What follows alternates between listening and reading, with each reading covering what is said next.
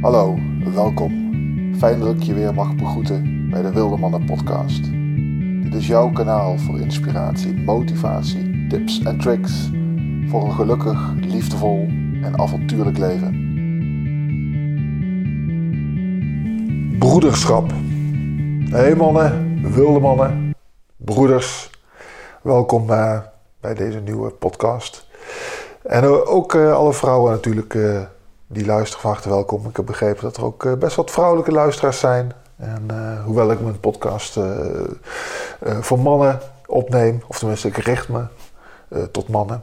Zijn natuurlijk ook vrouwen van harte, van harte welkom om te luisteren. En vandaag heb ik een onderwerp wat, ja, wat me echt aan het hart gaat.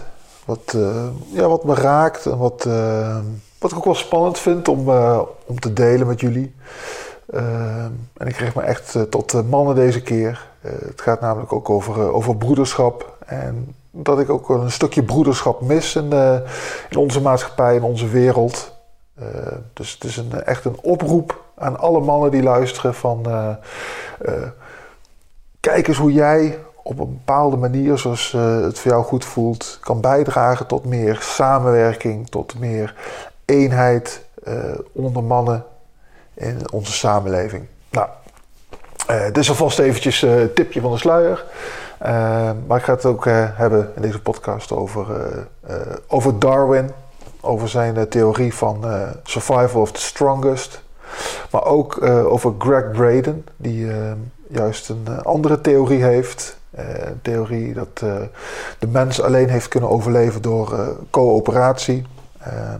En dat is iets waar ik meer bij voel. Ik ga er iets over eh, uitleggen. Maar ik wil jullie ook eh, even een persoonlijk verhaal delen. Wat ik heb meegemaakt. En eh, ja, wat, me, wat me erg geraakt heeft. En wat me ook heeft doen beseffen over de noodzaak dat mannen zich meer verbroederen. Meer ongeacht waar ze vandaan komen. Ongeacht de cultuur, religie, huidskleur sociaal profiel, inkomen. Maakt niet uit dat mannen gewoon ongeacht hun achtergrond meer tot een verbroedering komen. En dat, eh, dat is iets wat ik graag wil neerzetten. En wat ik ook, uh, dat is ook een van de redenen waarvoor ik uh, wilde mannen in het leven heb geroepen. Behalve de persoonlijke ontwikkeling die ik belangrijk vind. Ook het, nou ja, het samen deze wereld een mooiere plek maken. Nou, mijn persoonlijke verhaal uh, uh, heeft zich vorige week afgespeeld. Uh, ik geef les bij Ananta-opleidingen in Soest. En we hadden een, een personeelsuitje, zo gezegd. En we konden gaan bolen of karten of zo. Maar ja, het is natuurlijk een opleiding tot coach-therapeut. en dan vinden we het ook leuk om iets samen te doen wat, nou ja, wat ook een een meerwaarde heeft in onze uh, verbinding als docententeam, maar ook voor onszelf. En uh, dat er ook een, nou, iets van een les in zit. Dus wat zijn we gaan doen? We zijn vorige week uh, een opstelling met paarden gaan doen. En het concept opstellingen of familieopstellingen, systemisch werk wordt het ook wel genoemd. Wellicht ken je het, als je het niet kent. in het kort, het houdt in dat je een kwestie hebt in je leven die je dan opstelt. En dat doe je ook echt fysiek. Of ja, je kunt het ook doen met Playmobil poppetjes. Maar uh, stel, ik heb een uh, probleem met mijn familie. Uh, ik kan niet goed opschieten met mijn, met mijn vader. En dan zet ik in die opstelling, ik zet mezelf op. mijn vader en dan is dan iemand uit de groep die speelt dan mijn vader en iemand speelt mij en iemand speelt moeder. En dan kan het zijn dat die, die, die, persoon neemt ook een fysieke plek in, in het speelveld van de opstelling. En het kan zijn dat, uh, dat blijkt dat, uh, dat op zich, ik helemaal niet zo'n probleem met mijn vader heb. Maar juist dat, dat mijn moeder tussen ons zit. En dat zij een bepaalde spanning veroorzaakt. Nou, door mijn moeder ook op te stellen en op een bepaalde plek te veranderen, haar positie in de opstelling te veranderen, kan het zijn dat opeens ik een inzicht krijg. Of het kan zelfs zijn, en dat is het mooie, ja, dat moet je echt even mee, een keer meegemaakt hebben om het te kunnen begrijpen. Maar het kan zelfs zijn dat, dat het ook in de fysieke werkelijkheid verandert. Zonder dat mijn vader en moeder iets weten van die opstelling. Uh, kan het gewoon zijn dat nou, ik het weekend daarna bij mijn ouders uh, thuis kom en dat de sfeer opeens allemaal anders is. En hoe dat werkt is magisch. Nou, dat is even in het kort wat een, een opstelling is. En een opstelling met paarden is dat paarden ook meegenomen worden in een opstelling. Ehm, in dit geval was het die paarden liepen vrij rond daar en wij waren in hun gebied, in, hun domein. En ehm, die, eh, die paarden hadden zelf de keuze om in de opstelling deel te nemen of niet. En soms was er ook een opstelling waar geen paarden bij waren. Maar soms kwam een paard daar. En paarden zijn echt hele gevoelige dieren. Die, die merken meteen op van er, er is iets. En die laten dat ook zien. Zo was er op een gegeven moment een paard dat uh, heel veel spanning voelde. Er was ook echt spanning op dat moment bij die persoon die de opstelling neerzette. En het paard stond gewoon stokstijf. En toen op een gegeven moment kwam er beweging in die opstelling. En, uh, en je merkte dat het paard ontspande. Uh, het begon een beetje zo, ja, zo wat, wat paarden doen, die geluiden maken. het liet een paar harde scheten. En nou ja, je, merkte gewoon dat soort dingen, dat, dat er gewoon op allerlei vlakken kwam er ontspanning bij het paard. Zonder dat, uh, ja, dat een paard natuurlijk onze taal begrijpt. Dus dat was zo bijzonder om te ervaren. Maar goed, er was uh, op een gegeven moment een opstelling. En uh, ik representeerde mannelijkheid. En ook gewoon de mannen in de wereld. En ik was sowieso de enige man die dag bij die, ehm, bij die opstellingen. En ik heb mannelijke collega's, maar die konden niet of die hadden geen zin. En, dus ik was ook fysiek als enige man daar, met allemaal vrouwen. En het ging ook over. Uh, ik zal niet in detail treden, maar het ging over een stukje vrouwelijkheid. En, uh, van dat vrouwen in hun kracht mochten staan en dat ze het vertrouwen in de man mochten terugvinden. En ik was dus mannelijkheid. Dus ik, ik moest in mijn eentje meerdere mannen vertegenwoordigen. En zij stonden daar als zes vrouwen in één lijn, superkrachtig. En ik stond er als enige man tegenover en ik voelde me op dat moment enorm eenzaam in mijn mannelijkheid. Ik moest meerdere mannen representeren, maar ik was daar gewoon alleen. En ik stond wel in mijn eigen kracht, maar tegenover mij, in plaats van die zes vrouwen, stond een, energieveld, een heel krachtig veld. Het leek wel of er 6000 vrouwen stonden. En uh, dit, ja, dit is lastig uit te leggen zo in een podcast. Maar moet je je voorstellen dat je gewoon hè, sluit je ogen en fantaseer dat je als, als man alleen tegenover 6000 vrouwen stond. En het was geen oorlogssituatie of een vijandige situatie. Integendeel, het was een hele fijne, liefdevolle situatie. En die 6000 vrouwen stonden daar samen als zusters. En ik, ik stond er als man en mijn eentje. En ik miste, uh, ik miste de broeders om me heen. En dat is iets wat, uh, wat ik ook merk in de wereld. Wij mannen, wij, wij zijn veel te veel alleen. Wij zijn veel te veel als individuen bezig. Veel te veel gericht op hoe kom ik in de buitenwereld over. Uh, hoe gedraag ik me de buitenwereld? Hè? Wie, wie zijn mijn concurrenten in de wereld? En of het nou op, op werkgebied is, of het is uh, met, met sport, of, uh, of zelfs binnen vriendengroepen, families. waar, waar is die broederschap? Ik, ik mis dat een beetje. En dan ben ik echt, ik ben gezegend met geweldige vrienden. Ehm, ik heb een goede relatie met mijn familie. Mijn vader is een, is een topkerel van wie ik hou. Uh, maar ik bedoel daar buiten. Kijk, dat is een veilig clubje. Mijn vrienden, dat is gewoon een veilige club. En dan kunnen we delen. En uh, dat is echt gewoon top. Uh, maar daarbuiten in de samenleving. Waarom werken wij als mannen niet meer samen? En vrouwen doen het wel. En ik, kan ook wel, ik heb wel een verklaring daarvoor. Als je kijkt waar vrouwen vandaan komen. Uh, 100 jaar geleden mochten vrouwen niet stemmen. Werden ze niet toegelaten uh, tot universiteiten. Het is zelfs zo, dat hoorde ik laatst, dat vrouwen pas vanaf 1980 een marathon mochten lopen. Uh, daarvoor, ja, ze konden natuurlijk uh, zelf wel een marathon lopen. Iedereen kan gewoon 42 kilometer lopen. Maar ze mochten niet deelnemen aan een marathonwedstrijd. 1980, hey, dat, ik heb het meegemaakt. Dus vrouwen die komen van een plek af in een, ja, in een mannenwereld waar mannen domineren. Hè, en niet domineren door als mannen samen te werken. Nee, domineren door zelf ook onderling als mannen eh, de strijd met elkaar aan te gaan. En vrouwen, die hebben gezegd: hé, hey, het, is, het wordt tijd dat we als vrouwen onze plek gaan innemen in, deze maatschappij. En dat kan alleen door samen te werken.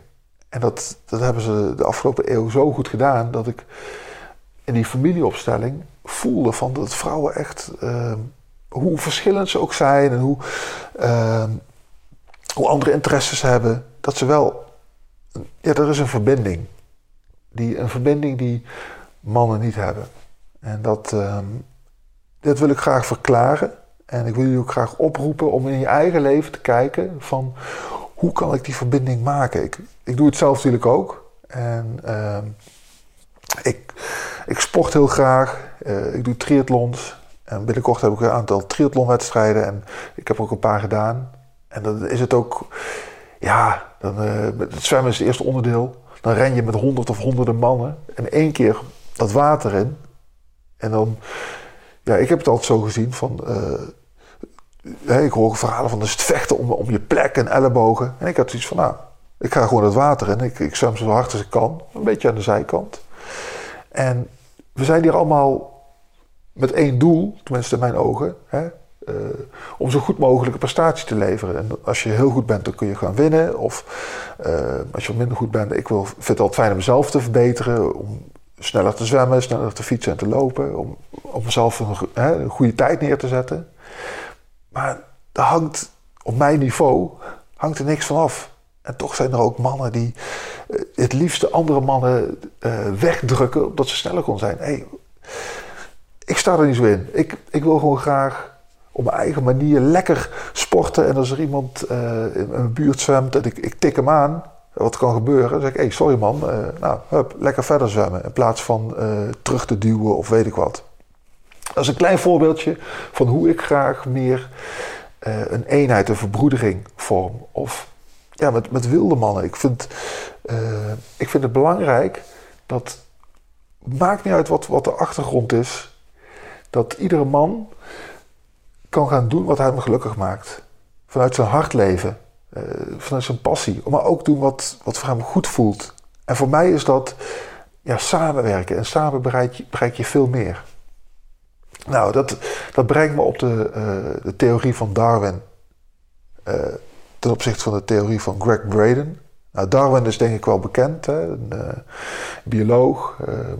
The Origin of the Species. Nou, hij heeft veel onderzoek gedaan in de natuur. En hij heeft ook gekeken hoe kan het dat, dat dieren overleven. En nou, zijn theorie is dat de sterkste, hè, survival of the strongest, dus niet survival of the fittest, maar survival of the strongest, dat de sterkste overleven. En dat baseert hij op, nou, op, op, de voedselketen. Kijk, wie staat er bovenaan de voedselketen? Ja, wij mensen, dus wij, wij kunnen het overleven. En, uh, een soort law of the jungle. En survival betekent ook inderdaad letterlijk overleven. En ik wil juist van dat overleven af. als mens zijnde, als je in een overleefmodus bent, ik heb ook in de vorige podcast heb ik het uitgelegd hoe het gaat dat je in, de, uh, in een fight or flight modus of, of freeze, fight, flight of freeze modus komt. Uh, als je er meer over weet, nou, luister die, die podcast. Maar als je in die staat bent, dan dat kost zoveel energie. Uh, dan, dan raak je op een gegeven moment burn-out. Als je er lang zit. Dat is helemaal niet goed voor je lichaam. En dan kun je wel willen vechten, zo, maar als je in die overleefstand eh, zit, word je, mocht je het überhaupt overleven, word je niet gelukkig. Hoe dan ook. Dus ik, ik geloof er sowieso niet in het survival. Uh, ik geloof meer in het leven om, omdat je het fijn vindt. Omdat, hè, waarom zou je anders leven? Je, leeft omdat je er geluk uit haalt. En niet omdat je een zware last wil dragen. Hè, we zijn eh, niet allemaal Jezus. We zijn ook gewoon een Bart of een Willem, een Maarten, een Pieter, noem het maar op. We zijn gewoon mannen die stuk voor stuk het liefste het meeste uit hun leven willen halen op een fijne manier. En ik geloof erin dat iedereen dat wil. En als het niet zo is, dan hoor ik het graag van je. Uh, En dan ben ik heel benieuwd wat, wat je beweegredenen zijn. Dus laat het ook zeker weten in een post als dat zo is. Dus die theorie van Darwin, ik heb er mijn bedenkingen bij. Brengt me bij de theorie van Greg Braden. Greg Braden is van oorsprong een, een geoloog. Ehm, hij eh, heeft eh, veel onderzoek gedaan, geologisch gezien, en ook naar van oké, waar komen we vandaan? En uh, naar dinosauriërs, het ontstaan van de aarde en hoe de aarde gegroeid is. En zijn theorie is dat de mens en ook andere diersoorten hebben kunnen overleven door coöperatie. En hij zegt dus, als, wij, als we kijken waar wij als mens vandaan komen, hè, dat, we zijn ons gaan groeperen in een hele andere wereld. Praat ik over duizenden jaren geleden. In een wereld waar er veel meer gevaar was. Veel meer gevaar vanuit nou ja, de, de natuur. Uh, er waren geen verwarmde huizen en dergelijke. Dus mensen moesten buiten vuur zien te maken. En de enige manier dat je toen als mens kon overleven, is door in een groep te leven. Door samen ervoor te zorgen dat je, uh, dat je vuur had. En dat, dat er mensen waren die dat vuur aanhielden. Uh, je wilde eten. Nou, je kon natuurlijk wat, wat besjes plukken, maar er werd ook gejaagd. En, en je eentje een, uh, een dier jagen. Het was zelfs zo dat, dat mensen al vlees aten. ik zit te denken, ik ben zelf vegetariër, dus wel grappig dat ik zeg.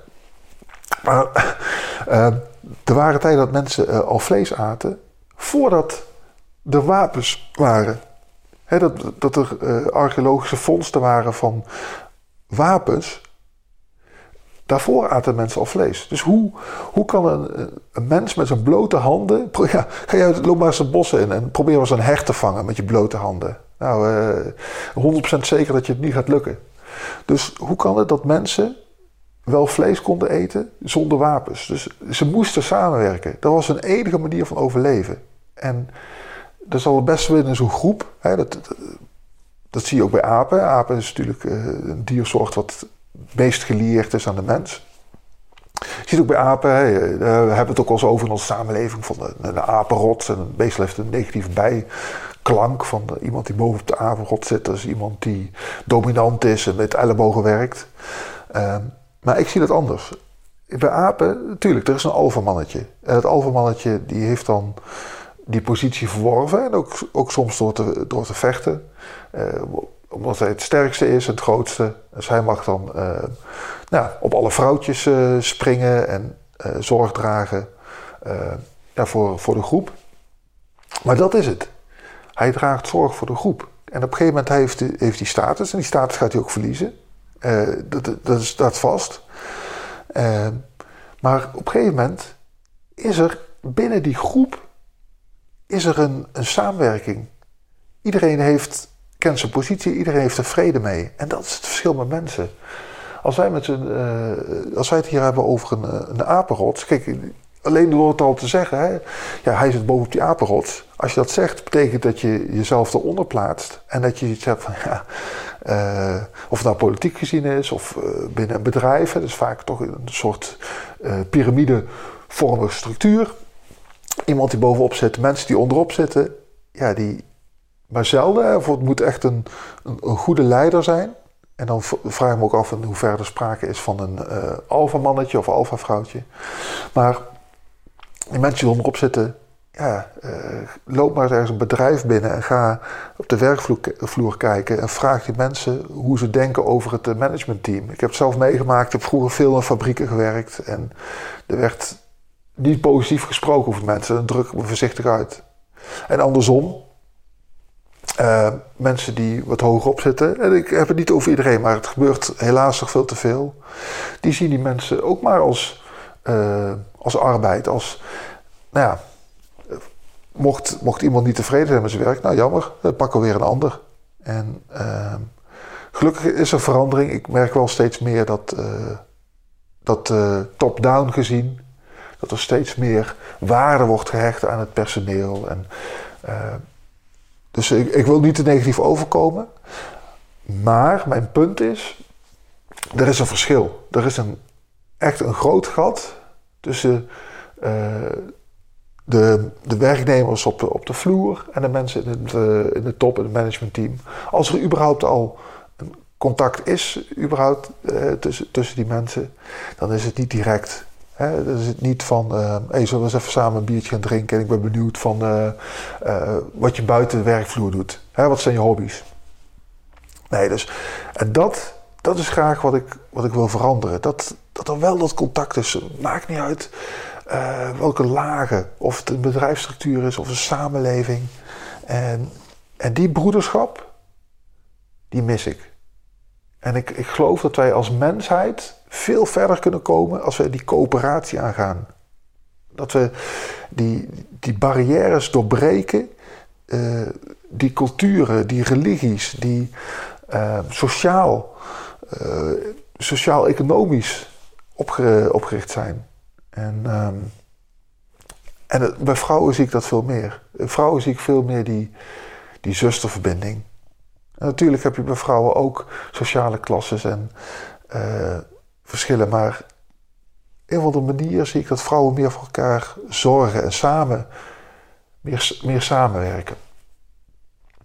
Nou, dat is hier voor mijn beeld. En ik, uh, uh, ik wil jou dus echt uitnodigen om te kijken van. Uh, hè, als je het aandurft, want soms heb je er ook moed voor nodig, maar kijk om je heen en kijk hoe jij een steentje kan bijdragen in een, in een verbroedering. En laat ik vooropstellen dat, dat we het ook samen met de vrouwen mogen doen. Mijn opinie zijn vrouwen al goed bezig op dit gebied en mogen mannen nog echt stappen maken. Maar ik heb juist het gevoel dat vrouwen uh, ook mannen echt nodig hebben. Ook om hen te beschermen, want dat is ook een taak van ons mannen. Hè, wij, wij mogen gewoon optreden als, als vrouwen lastiggevallen worden. als als vrouwen gewoon nog steeds niet eh, serieus worden aange, vol worden aangezien. Als ze de, een ander salaris hebben. Wij mogen als mannen ook zeggen van, hé, fuck dat. Het zijn onze zusters en uh, ik respecteer mijn zuster en ik, ik waardeer haar in al haar vrouwelijkheid. En we mogen haar beschermen. En dat is denk ik uh, ook een uitnodiging die, ja, die die zusters samen aan ons mannen geven.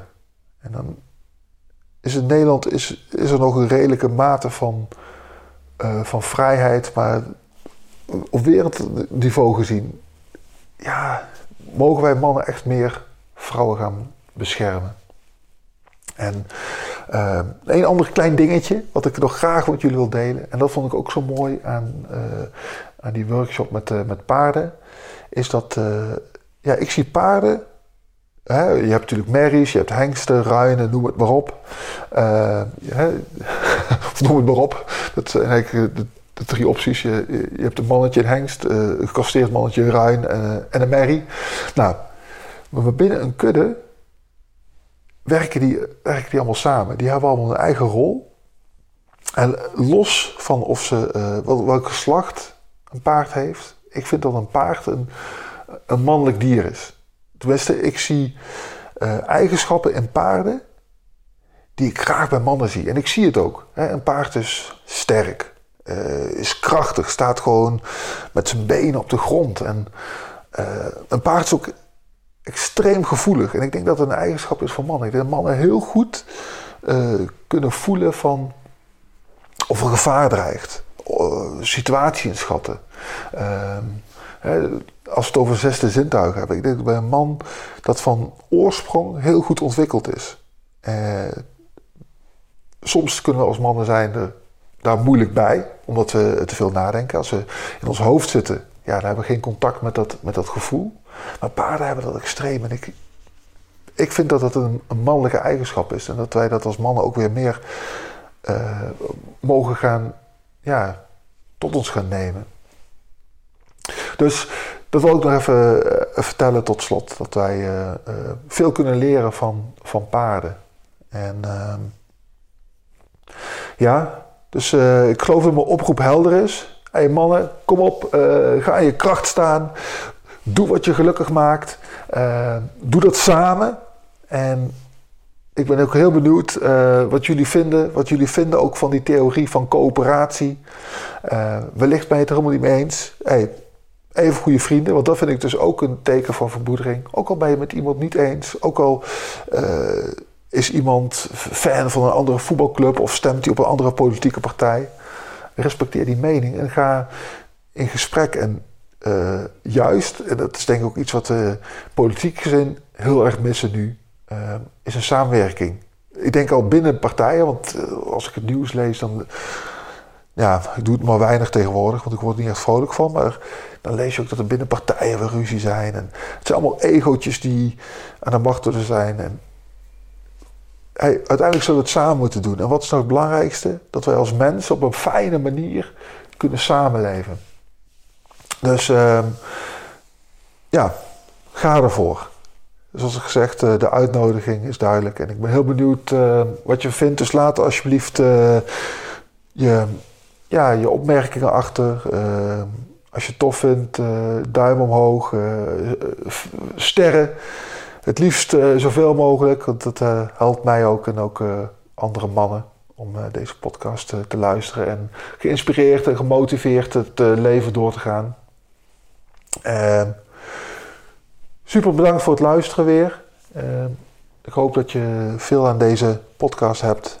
Dus rest me je nog een fijne dag te wensen. En vergeet niet, leef je avontuur!